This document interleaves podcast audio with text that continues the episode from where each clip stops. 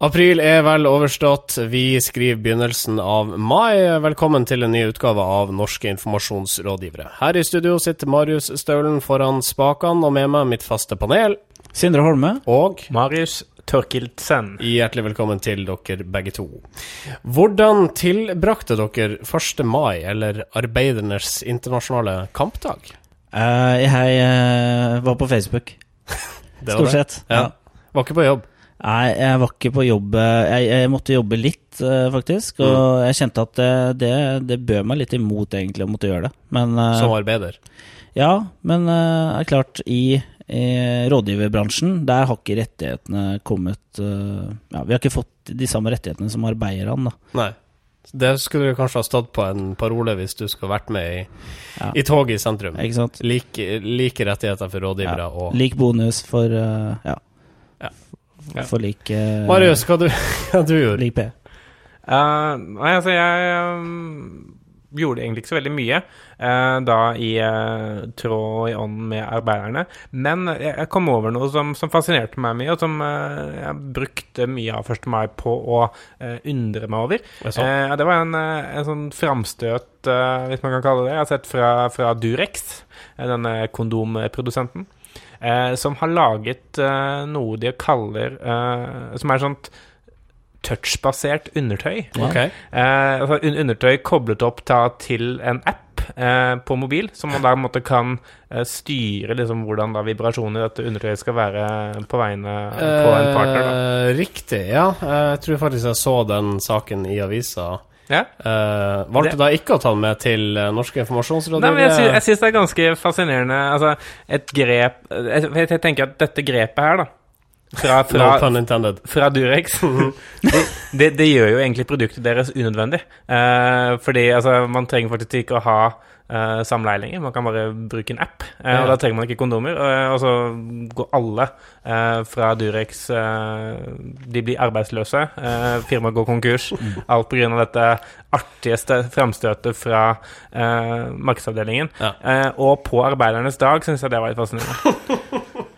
Nå kan de bare ha det så godt. Ja. Yes. Ja. Håndarbeidernes dag. Jeg lurer på hva de skal bruke all den eh, gummien til, altså et, når ikke de kan bruke den til uh, kjønnsorgan.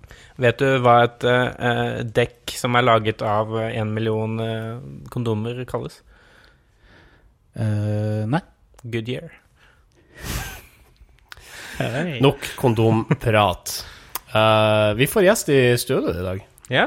Vi får en uh, rådgiver som heter Ingeborg Woland, som jobber i uh, Gambit Hill and Holton. Ja. Uh, stort byrå i Norge. hun er spesielt opptatt av offentlig sektor. Så, og det er jo vi òg, men forskjellen er at vi ikke har noe særlig greie på offentlig sektor. og det har henne, da. Ja. Så vi skal ja, vi skal prate litt om offentlig, offentlig sektor i anledning at hun er her, rett og slett. Rett og slett. Ja. Mm. Foruten det så skal vi eh, få høre om de kjipe vilkårene eh, landets frilansere lever under. Vi skal innom uh, Dagbladet. Og vi skal innom flatindeksen. Yay. Veldig uh, spennende. Da sparker vi i gang NIR episode 29. Norske informasjonsrådgivere. Vi starta denne sendinga på fotballbanen, for i privatlandskampen mot Ukraina den 6. februar så ble Jon Arne Riise svært skuffa da kapteinsbåndet Brede Hangeland ga ifra seg i pausen, gikk til Tariq Elionossi og ikke til han. Han sa ikke noe der og da, godeste Riise, men i etterkant så sa han sin hjertens mening i et intervju eh, med TV 2. Ja, det gjorde han. Han eh, sier at han eh, ble veldig forbannet. Eller veldig forbanna. hvorfor ble han forbanna? Jo, fordi at han mener at han har veldig mye rutine. Han tar mye ansvar på banen. Han snakker med spillerne og, og har en sånn autoritet på banen som skulle tilsi at uh, han var naturlig nummer to uh, på laget. Men det kapteinspinnet var det Tariq Elionussi som fikk, og det, ja, det likte ikke Riise. Og det vi syns er litt interessant her, det er jo egentlig å diskutere er, hvor, hvor, feil er det å uttrykke seg på den måten, og hvor skadelig kan det være? Jeg tenkte at dette er jo Altså, det blir kanskje først og fremst oppfattet negativt fordi Jon Arne Riise har et litt sånn, uh, kall det utfordret omdømme fra før, uh, hvor han har hatt en rekke eh, opptredener i mediene som eh, ikke har vært udelt positive. Det har i hvert fall ikke blitt oppfattet udelt positive. Nei. Eh, det begynner nesten å bli klisjé nå å trekke fram eh, røde Ferrarier i Ålesund sentrum og eh, tekstmeldinger til norske kjendisdamer. Eh, men eh, jeg tror nok at hvis dette hadde kommet fra en annen spiller, da, si eh, Brede Hangeland, eh, så hadde kanskje ikke blitt oppfattet like negativt på samme måten, da, fordi han blir oppfattet som en litt sånn annen type, og da er det bare opp, blitt oppfattet som et uttrykk for engasjement og liksom vilje til å ville noe på landslaget. Da. Det er jo ikke første gang at John Arne Riise sitt ego har kommet i medienes søkelys. Um, I september i fjor så uh, uttrykte han skuffelse overfor pressen over at han ikke ble hylla med en egen statue hjemme i Ålesund. Ja, og så Han tilhører jo en sånn generasjon med fotballspillere som uh, har, har gjort det stort i utlandet. Han har vært uh, fast på Liverpool og, eh, og har vel følt et litt sånn uh, kontrast da, med det å komme hjem. Det er noe som heter at man ikke blir profet i eget land, og det tror jeg han har opplevd. Det han burde kanskje forstå, det er at det er noe i det. Altså, du, Det er ikke så lett. Folk kjenner deg på en annen måte, de du har vokst opp sammen med. Men det som jeg tror er grunnen til at uh, dette blir en sak, det er at vi har fått hørt siden Drillo tok over på 90-tallet at uh, fotballandslaget det er et kollektiv, og det er kollektivet vi skal bygge. Vi er, har ingen superstjerner i laget. Altså, Enkeltspillere betyr ikke så mye som kollektivet og hvordan det fungerer sammen. Så når én spiller går ut og på en måte eh, snakker om seg selv, da, og at man selv er skuffa, så er man ikke Man aksepterer det ikke, fordi at her skal man føye seg inn i rekken. Da blir man fryst ut. Ja, altså det er ikke noe kultur for det eh, i det hele tatt. Eh, I hvert fall ikke på sånn eh, lagnivå, da. Burde det etter rådets mening være en kultur for det? Nei, men det, jeg tror jo at man også må skille mellom eh, det som skjer måtte, på laget, altså mellom spillerne, og det som skjer i mediene. Jeg, tror i hvert fall ikke er en kultur for å måtte hevde seg selv gjennom tredjeparter, eh, altså sånn ved å bruke mediene. Eh, jeg tror sånn internt på laget så jo, har jo eh, norske landslaget hatt fullt av profiler som har vært mildt sagt eh, selvhevdende. Jeg tenker sånn typ Kjetil Rekdal og uh, Torstvedt og alle disse folkene som opp gjennom årene har vært veldig sånn tydelige på sin rolle, og det har også vært veldig tydelig på banen, men uh, jeg tror nok altså, Drise har i den mest utstrakte Altså på den mest utstrakte måten benyttet seg av mediene for å lufte måtte, uh, Når han har vært uh, misfornøyd, han har vært fornøyd, når han har prøvd å sjekke opp kjendisdamer og sånn. Eh, og det grepet det er sikkert mediene også veldig klar over, så de sånn, gnir seg litt i hendene hver gang de skal måtte intervjue Ristad. for De håper at de kanskje kan lure han ut på glattisen og så lage noen sensasjonsoppslag i etterkant. Ja, nei, altså han er jo en eh, person som antageligvis uh, gir mye av seg selv hvis han føler seg trygg i en sånn intervjusituasjon, og da på en måte har han fortsatt ikke lært at eh, ja, Han har ikke lært de der standardfrasene om at eh, ingen kommentar og nei, dette Det er standardfrase, det er Nei, dette, det. dette, dette har jeg ingen kommentar til. eh. Drillo som tar ut laget, Ja, det er Drillo som tar ut laget. Det er elleve mann utpå der som gjør Alle gjør sitt beste. fokuserer på neste kamp, én Ja. kamp av gangen. Ja, ikke sant? Ok, ok, ok. Eh, Jon Arne Risse har, som det ble nevnt her, et eh, kanskje noe frynsete omdømme fra før. Bør han ta det inn over seg og eh, roe ned eh, uttalelsene sine overfor norsk presse? Jeg tror også norsk presse må liksom tenke litt på hva, hva slags type spillere de ønsker. Da. Eh, sånn, altså, vil, ønsker de å ha spillere som måtte svare med disse standardfrasene hver eneste gang, eller ønsker man faktisk folk som eh, sier det de faktisk mener, og skal man da måtte angripe dem hardt for det de mener i etterkant, og prøve å skape noe som kanskje ikke er så stort som det er? Da. Så du skylder på media? det er fristende, altså. Jeg tror vi avrunder der. Skal vi prøve å gi en tommel opp eller tommel ned for Jon Arne Rises mange utspill i mediene? Jeg tror Vi skal være litt sånn motpolen, så jeg gir tommel opp, jeg. Ja. Ja, vi gjør tommel opp. Norske informasjonsrådgivere. Da skal vi til mediebransjen, da via det irske lavprisselskapet Ryanair, for redaktør i Journalisten Helge Øgrim har en interessant kommentar på trykk på egne nettsider. Han eh, påpeker det merkelige i at mediene setter Ryanair i et kritisk søkelys for eh, lønnsdumping, samtidig som de sjøl lønner sine egne frilansere elendig. Nei, altså Han stiller spørsmål på hvor liksom ligger grensa for anstendig lønn for frilansere. Eh, for eh, det er jo eh, ganske klart at, De, mange mediehus bruker stadig flere frilansere. Det er kanskje på tide at mediehusene også ser, litt, ser seg selv i speilet, da. Er det betimelig kritikk av Helge Øgrim her? Jeg, jeg syns jo det er i hvert fall litt sånn interessant uh, god dag, mann, økseskaft-kommentar. Uh, altså, fordi det er nettopp et fagmedie, eller et bransjemedie som journalisten.no som faktisk kunne tatt opp dette. For det er jo ikke egentlig i medienes interesse i å ta det opp, fordi det stiller jo dem i et litt sånn rart lys, i hvert fall. Uh, og uh, i tillegg så kan man jo si sikkert ikke regne med at frilanserne tar det opp, for de ønsker jo jobb. Uh, hvis man kommer som, som frilans på første møte, så hva om vi skal skrive en sak om de dårlige lønnsvilkårene for frilansere? det blir ikke noe mer frilansing. Det. Det sånn, det er vel en sånn klassisk elefanten i rommet perspektiv på Samtidig dette. så er jo dette her eh, med lønn til frilansere et ledelsesspørsmål, mens det er journalistene uh, som skriver disse sakene om Ryanair, blant annet. Er det riktig å sette altså medienes egen dekning opp mot medienes egen policy? Ja, men i, i dette tilfellet så bør jo da uh, mediene bør i hvert fall da gå alle yrkesgrupper i sømmene på samme måte som de gjør da med Ryanair, som eh, skaffer seg et, et uh, forretningsfortrinn fordi de måtte tilby så lave lønninger. Eh, og Det samme gjør da VG og Dagbladet, Aftenposten osv., fordi de er avhengig av å holde kostnadene nede for å kunne overleve. og på samme måten som da Ryanair gjør det, så utnytter de også at det faktum at det finnes så stor tilgang på arbeidskraft, og at ønsket om å gjøre det er, er såpass stor, da, og da tilbyr de dårlige vilkår. Så det er mye paralleller i hvert fall som da burde dekkes på lik linje med uh, Ryanair, uten at det burde stoppe ved journalistene. Det finnes sikkert flere yrkesgrupper også som opplever mye av det samme. Det er vel eh, det, det, det vi eh, Det Øgrim peker på her, er vel at journalister kan nok bli litt flinkere til å se at det finnes sikkert flere bransjer uh, hvor man lønner de ansatte dårlig, eller på å bruke frilansere på dårlige betingelser.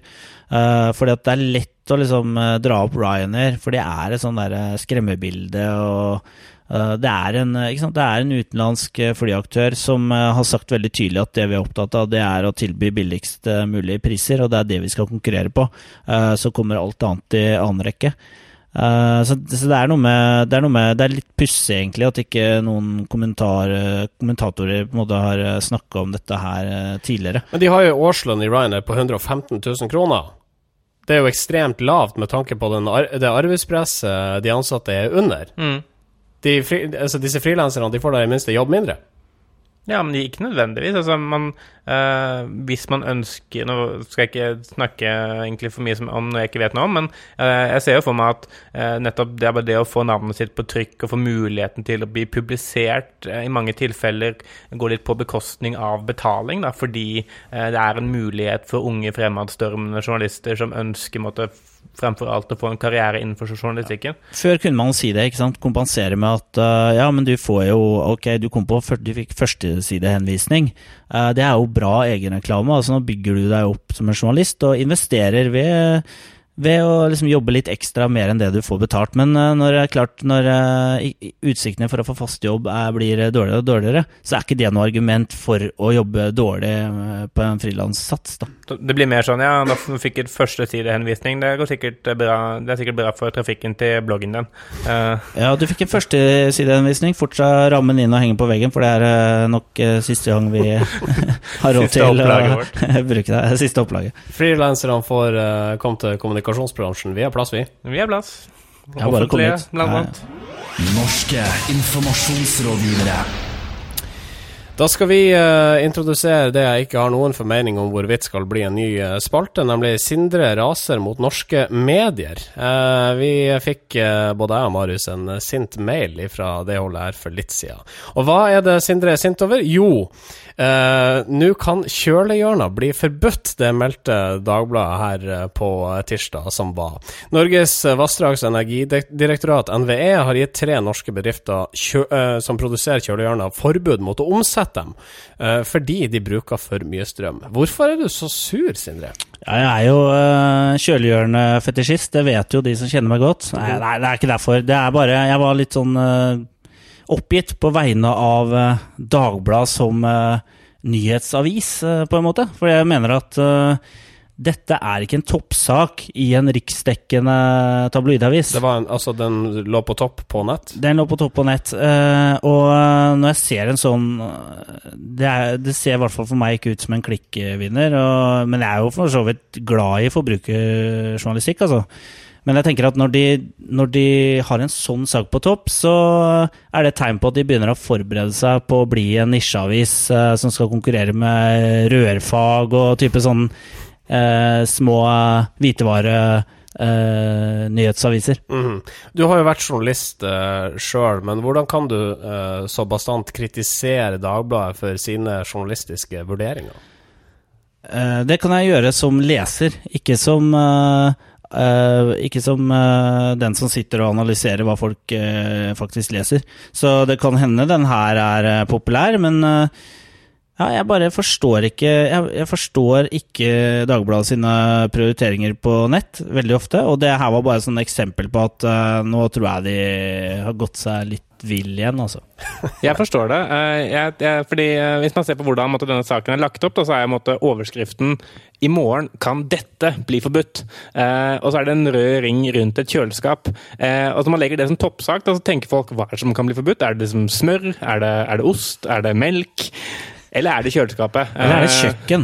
Ja, det måtte være en sånn interesseskaper. da. Hvis man bare tenker sånn, hvis man formulerer seg veldig vagt i overskriften og bare at man må klikke for å se hva det er, Mm. så pirrer man nysgjerrigheten nok til at eh, de kan forsvare topplasseringen et par minutter. På Tror du det- dette var en klikkvinner?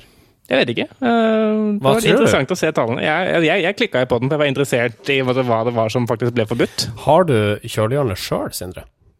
Uh, nei, altså Jeg har faktisk ikke det. Jeg, begynte, jeg måtte tenke meg litt om nå, for at eh, kjøleskapet står jo i et hjørne, ikke i et hjørne, på en måte, men på, på en, s- I nærheten av eh, ene siden av kjøkkenet. Ja. Eh, så Men jeg tror ikke det blir ulovlig med det første. Nei.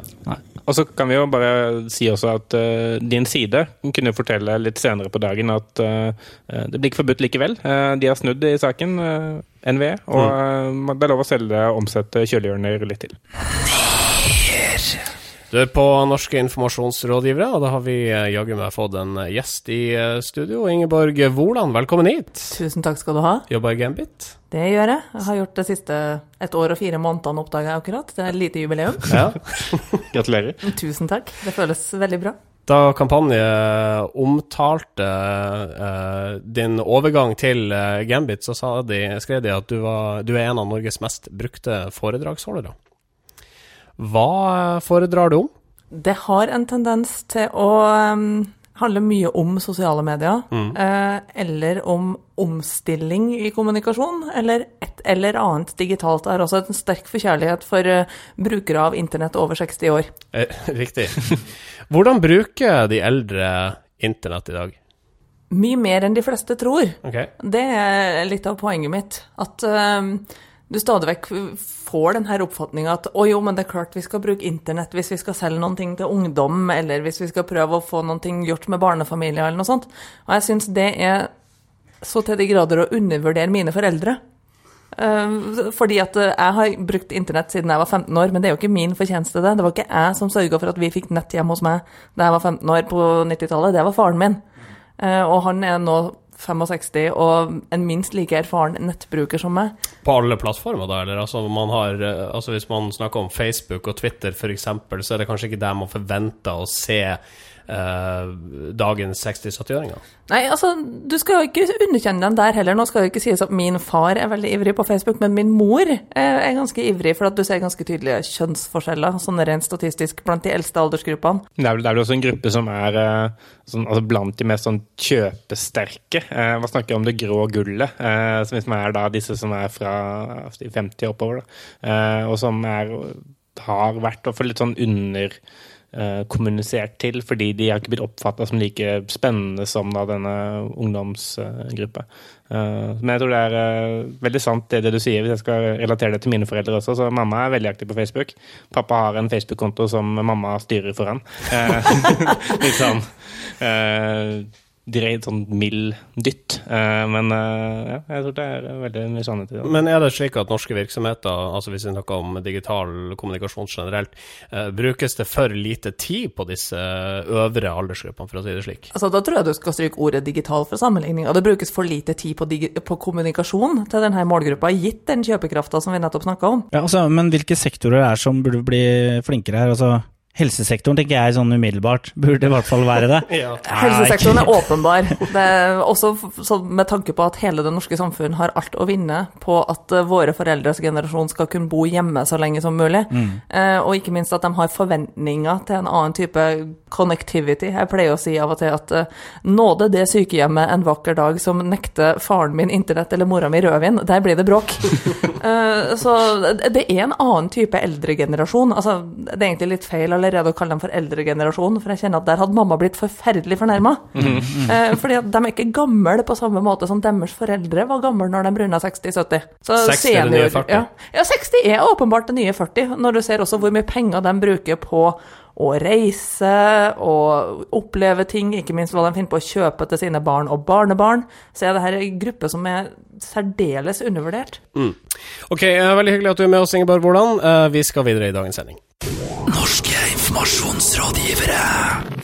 Vi skal til vår egen bransje. Norske kommunikasjonsrådgivere de klatrer angivelig mot toppen. En fersk rapport viser at landets rådgivere får stadig mer innflytelse i det norske samfunn. Ja, eh, Kommunikasjonsforeningen la denne uken fram rapporten eh, 'Kommunikasjonsrådgivere'. En yrkesgruppe med innflytelse i samfunns- og arbeidsliv. Eh, og eh, Det virker litt som om eh, de som har gjennomført denne, måtte laget den, denne rapporten, har gått liksom inn i det med litt sånn helt blanke ark da, og blitt litt sånn forbløffet over kommunikasjonsbransjen. For det, eh, det er har kommet fram til, er jo at eh, det å sitte sentralt plassert i virksomheter, ha, gode relasjoner til journalister, eh, altså faktisk sitte tett på der prosessene skjer, det er viktig for å lykkes som kommunikasjonsrådgiver. Riktig. Det er altså, noen av de konklusjonene og funnene som er trukket fram. Eh, samtidig som de også si, eh, viser at kommunikasjonsdirektører de har en del innflytelse, mens vanlige kommunikasjonsarbeidere de har ikke så mye innflytelse. Eh, jeg tenker at Hvis dette har vært noe som har vært gjennomført av noen som da kanskje jobbet i bransjen eller hadde noe kunnskap om bransjen fra før, så hadde man kanskje undersøkt litt andre ting. Da. Altså Når du ser på um, oppslaget i Dagens Næringsliv lørdag for et par uker siden, så er det jo åpenbart at det er behov for en sånn her undersøkelse, fordi at du verden så mange myter og rykter som går rundt den profesjonen vi, i den grad vi kan kalle det en profesjon, er en del av. Hvilke myter og rykter da? F.eks. For eksempel det at eh, alle sammen er spinndoktorer som først og fremst lever av å tilsløre ting eller å få fram en sak på vår måte. Mm. Men ikke minst det er at man skal bedrive utstrakt eh, skjuling av fakta og eh, skjerming av maktpersoner. Eh, Jeg opplever ikke at det er det jeg stort sett bruker hverdagene mine på. Nei. Likevel så kom den kritikken fra pressehold. Det synes ikke til å være å unngå. Nei, altså det er jo en, en eh, debatt som er sånn levende, fordi det har vært en del oppslag rundt det den seneste tiden. Eh, og det er når man faktisk kommer med, med en rapport som sier at enkelte kommunikasjonsrådgivere har en del innflytelse, eh, så kan man jo også tabloidisere den i den retningen at kommunikasjonsrådgivere har fått mer innflytelse, uten å måtte si det at enkelte har fått det. Og så er det et aspekt der også som jeg ikke syns har blitt debattert. At ja, det kan faktisk tenkes at det er den ene sida ved kommunikasjonsbransjen som en del journalister møter, og det er bare den de møter. Eh, Fordi de i veldig liten grad snakker med de tusener av webredaktører eller grafikere eller fotografer og inhouse-journalister eller kampanjeutviklere som finnes der. De journalistene møter, er kanskje akkurat dem som representerer den marginale delen av bransjen. Har denne rapporten noe Altså, er rapporten interessant på noe vis? Eh, Er det noe interessant funn her? Ja, det er Selvfølgelig ikke helt tilfeldig at det er jeg som jente som påpeker det, men rapporten viser også at det er en del åpenbare kjønnsforskjeller innenfor bransjen, som jeg syns er interessant å få fram. Flere kvinner jobber i offentlig sektor, færre kvinner har direktørtittel, kvinner har generelt lavere lønn, og kvinner opplever mindre bestemmelse og kommer senere inn i prosesser. Det er selvfølgelig mulig at det er vår egen feil, det forteller ikke rapporten noe om. Nei, så, så er det vel ikke et eh, kommunikasjonsbransjeproblem utelukkende.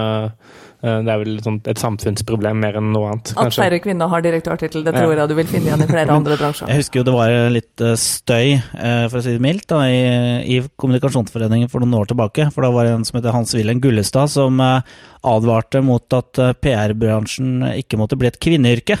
For da fikk vi dårlig lønn. ja. Og det, det var jo masse bråk rundt det, men poenget hans var jo at vi må eh, vi må, må ikke Ja, det er egentlig vanskelig å forklare hva han sier. Bransjen må ha eh, det hva han balla, er det han Ja. sier. Ja, Ja. han, han sier Det at om- omtrent sånn han svarte også når han ble konfrontert med det. Ja, um, det var um. Det var ikke det jeg mente. Nei, men Som jente så kan jeg jo godt si meg enig i det. At uh, i det øyeblikket du har et flertall av kvinner i Mm. en bransje, så er det også systematisk lettere å se på det som en lettvekterbransje. Jeg sier ikke at det er bra, jeg bare sier at sånn er det ofte. PR-rådgivere og jordmødre, f.eks. Ja, noe der omkring. Det er egentlig ganske mange fellestrekk mellom de to Ikke, Det hadde når du jo ser vært, ja, men det hadde jo vært fantastisk på den annen side. Altså, tenk om PR hadde blitt sett på som et omsorgsyrke. Altså, da hadde vi, kommet- da hadde vi kommet langt. over. Egentlig så er det mye som sier at det burde ses på det som det, et omsorgsyrke for bedriften. Absolutt. absolutt. altså, det, Ja. det virkelig jordmora for hvordan bedriften framstår utad. Så ja, her er det mange paralleller. Tviler på at vi får aksept for det blant eh, norske journalister, som selvfølgelig trekker fram dette til, altså som eh, selvfølgelig legger fokus på tilsløringsperspektivet. De peker bl.a. på at man har nær ei dobling av antall medlemmer i kommunikasjonsforeninga. Eh, Er det grunn til bekymring for det norske pressekorpset?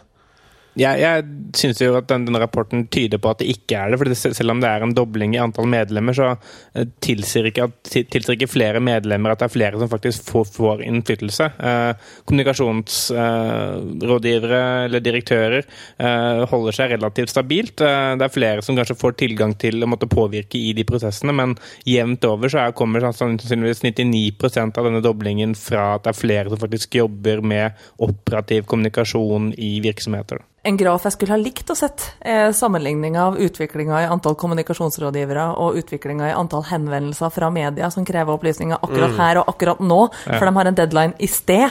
Ja. Eh, Så det, det, altså, det er en eh, økning i antallet mediekanaler i Norge. Er antall eh, Altså er utvidelse i hvor ofte man publiserer. Så det er klart, da er det et større behov for tilrettelegging. Det er deres feil. Ja, altså, ikke bare, kanskje, men eh, la oss nå si det. Ja. Vi lar det bli siste ord. Skal vi gi tommel opp eller tommel ned for um, eh, Rapport? Rapporten, ja. Tommel opp. Tommel opp. Tommel opp. Vi har en gjest med oss i eh, studio her, eh, Ingeborg Vålan fra Gambit. Og nå skal vi jaggu meg inn på ditt spesialområde. For regjeringa lova at Norge skal være best i verden på digitale tjenester til egne innbyggere. Men hvor langt har vi egentlig kommet? Ikke så langt, ifølge deg. Eh, Ikke sånn at vi er helt i toppen, i hvert fall. Eh, Som er det regjeringa sjøl har sagt at vi skal være. Det er et sitat henta fra digitaliseringspolitikken som kom i fjor. Altså Vi sier at Norge skal være best i verden på å levere digitale tjenester til sine innbyggere. Men eh, særlig etter å ha vært eh, på South by Southwest i Austin i mars, så tror jeg vi kan si at det er en del som gjør mer spennende ting enn vi gjør akkurat nå. Mm. Bare for å få en sånn avklaring på dette med digitale tjenester, hva ligger i det? Eksempel sånn som vi er flinke på, da. Å få levere sjølangivelsen på SMS, eller ikke i det hele tatt. Mm. Det er en åpenbar digital tjeneste. Eh, Det at du kan levere meldekortet ditt hos Nav på nett, sjølbetjent, og få dagpenger inn på konto. Eh, Sånne ting som det, det, det er digitale tjenester til forbrukerne og til, og til innbyggerne i staten. Hvor er det vi er for dårlige, da? Jeg føler det er to ting som mangler. Det er omstillingsbehovet. Altså det å være nødt til å gjøre ting. Eh, og så er det den tydelige visjonen for hvordan et digitalisert offentlig Norge ser ut. Altså sånn, Det at noen tegner det store bildet av 'dit skal vi'. Hva er det avhengig av? Altså, er det enkeltpersoner som eh, gløder for det her, som, eh, som gjør at noen etater er, er lenger fremme enn andre? Eller hva er det som gjør at ja, de er flinke og ikke andre? Nei, Noe av grunnen, og nå, og nå syns jeg, men jeg tror jo noe av grunnen er at eh, de etatene som jobber med pengene våre, også for, for, fortest ser hvor det lønner seg å være effektiv i saksbehandling. Altså det, det, veldig mye av det her handler om hva er fornuftig bruk av mine og dine skattepenger. Ja. Og det er mye billigere at vi driver sjølbetjening. Eh, enn at eh, vi skal møte opp på legekontoret for å avtale en time hver gang. Eller at pasientjournalen vår skal sendes på diskett. For det gjør den. Og det bare, Gjør den det? Det gjør den. Bare Eller ikke, ikke ikke pasientjournalen, unnskyld, nå var jeg dum, men eh, på fastlegelistene. No. Altså listen til den enkelte fastlege over hvem er dine pasienter. Sendes Den på sendes til, på, til fastlegekontoret på diskett. floppydisk, A-kolon. Floppy-disk, ja. Jeg vil jo tro at det er nesten dyrere å framskaffe floppy-disk-disketter nå, enn det er å bare konvertere til et CD-format. Um, det- ville jo jeg også ha sagt. Uh, Men, men der, der ligger noe av problemet. Fordi at uh, i Norge så har vi det egentlig veldig bra. Norsk offentlig sektor er rikest i verden. Mm. Vi er et av veldig få land med overskudd på statsbudsjettet og penger på bok. Peng på bok, bør det vel sikkert si. Um, Sånn at vi har ikke det her skrikende behovet. Vi, ser at vi kan. Vi ser at det ligger muligheter. Men vi har ikke den her uh, pistolen mot tinningen som sier du må, eller så går staten konkurs. Som jo er noe av grunnen til at jeg syns det skjer veldig mye spennende i Storbritannia. Som er et land som har virkelig fått seg en på trynet under finanskrisa. Og dermed satt i gang en kjempeomstilling av sin offentlige sektor. Altså, det er sånn som i, som i USA, eksempel. Eh, der er jo helt andre eh, En helt annen situasjon, økonomisk og sosialt. Men altså, der finnes det jo folk som virkelig brenner for offentlig sektor og har lyst til å få den til å funke. Altså, Fins ikke de her, eh, Ingeborg? Altså, Jo, de fins, men en del av utfordringa tror jeg ligger i hvordan det norske byråkratiet er organisert, eller egentlig hvordan det norske bevilgningssystemet for å foreta endringer er organisert. For det sitter masse flinke folk i kommunesektoren, eller hos Difi, som er direktoratet som har ansvar for IKT i staten, eh, eller hos Nav, eh, eller hvor det nå skulle være, og har lyst til å gjøre ting. Eh, Men utfordringa i Norge er at det fins ikke én sentral IT-politisk myndighet som sier sånn gjør vi det. Altså Når politiet trenger nye datasystemer, så må det bevilges over statsbudsjettet. Eh, Når helsesektoren trenger nye IT-systemer, så må det igjennom fire forskjellige departement og dessuten ut i alle kommunene for å få finansiering. Så det har noen ting med også hvem det er som sitter med mandat til å drive ting igjennom, og budsjettmidlene til å gjøre det.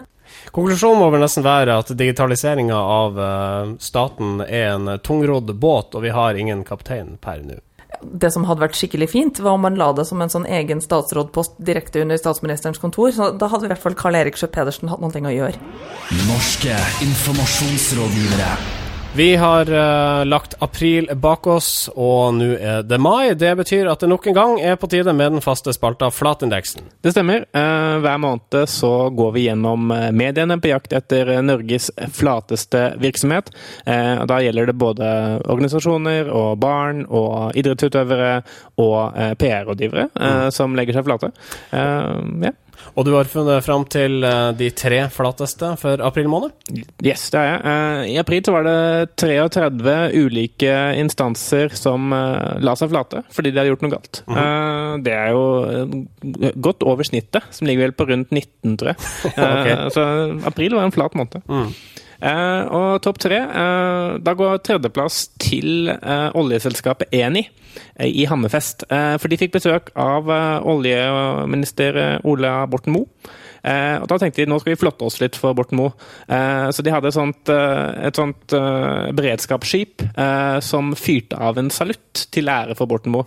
Eh, og denne salutten den havna i vannet rett utenfor bydelen Fugleneset i Hammerfest. Ja, og Det endte jo med at uh, det spruta enorme mengder saltvann opp på Fuglenes bydel, og den ble dekket i salt. Så det endte jo med at uh, Hammerfest ble full av salt. Uh, Eni la seg selvfølgelig flate, det var ikke med meningen. Nei. På en annen plass. Andreplassen går til Big Book, som denne måneden fikk en del kritikk for de hadde gitt ut eh, et nytt smykke, eller fått et nytt smykke inn i kolleksjonen sin, som eh, tilfeldigvis hadde et symbol som også blir brukt en del i eh, satandyrkelse. Eh, Big Book eh, forfekter jo selvfølgelig ikke satanisme, eh, og trakk tilbake dette produktet da de ble gjort oppmerksom på det, eh, og altså la seg også flate for eh, at de hadde det i butikk. Og aprils flateste. Aprils flateste og sannsynligvis flaueste er nok en eh, Telenor-selger som skal forbli anonym. Um, Han hadde oppringt da uh, kjendislege Wasim Sahid for å selge han et nytt uh, eh, telefonabonnement. Og siden eh, Wasim Sahid er, eh, eh, driver et enkeltmannsforetak, så antok denne selgeren at han var drosjesjåfør. Noe han, noe han også måtte lot skinne gjennom i samtalen. På hvilken Eh, måte? jo, han, han spurte først om altså Han in- introduserte seg, denne selgeren, og sa at han ser at han har, eh, har registrert et eh, enkeltmannsforetak. Og Saeed sa det, ja, det stemmer. Eh, og så sa han jo, du skjønner, vi tilbyr skreddersydde løsninger for de som har slikt. Eh, hvorfor har du enkeltmannsforetak? Du kjører kanskje taxi? Eh, og det er selvfølgelig en eh, litt sånn stereotypi som eh, ikke er så populær hvis du er en meget dyktig lege. Mm. så Telenor la seg flate. De skal selvfølgelig ikke anta uh, yrker basert på uh, navn, og uh, får også prisen som månedens flateste. Månedens flateste er herved kåra. Tusen hjertelig takk. Ukas kudos. Og kudosen denne uka den går til burgerkjeden Burger King. Hvorfor det? Jo, de har eh, denne uka lansert noe de kaller for Whopper Sellout. eh, Og det er egentlig som et resultat av at de anerkjenner at de i sin tid var med på dette kappløpet om å få flest mulig likes på sin Burger King Facebook-side. Det har ført til at jeg har fått ganske mange eh, folk som liker siden, som egentlig bare liker det fordi de har blitt lovet eh, et eller annet, eh, eller fordi altså de har blitt eksponert for Burger King så mange ganger at de til slutt bare har gitt opp og trykket like. Og da sitter de der med en haug med folk som egentlig ikke har noe forhold til Burger King, og som i hvert fall ikke liker det. Så nå tilbyr de folk et valg. Du kan enten da bli fan av den nye Burger King Facebook-siden, eh, og da bevise at du er ekte, virkelig Burger King-fan. Eller du kan få et gavekort på en eh, Big Mac, en McDonald's-burger, og aldri få tilgang til Burger Kings Facebook-side igjen. De aktivt blokker deg fra sida hvis du velger Big Mac-en. Ja, tydeligvis. Ja, nei, det, vi liker dette tiltaket her, for eh, det er jo mange som liker en side, eh, fordi det er noe gratis å få. Uh, og det her med å, å på en måte ta sjansen på å vise fingeren til, til uh, de som liker deg på Facebook, det, det, det syns jeg er litt tøft på en eller annen måte. Jeg, grunnen til at, til at jeg gjerne vil uh, gi litt kudos for det, er fordi det er en sånn erkjennelse at det ikke kun er måte, det kvantitative som teller. Altså, hvis du har 100 000 likes, så, og kun 1000 av dem faktisk virkelig liker produktet ditt, så er ikke de 100 000 så mye verdt utover at du kan si at hei, vi har 100 000 folk som liker ved siden vår. Da er det bedre å ha 1000 hardcore fans. Ja, og det er en sånn det er tøff ting å gjøre, syns jeg. da.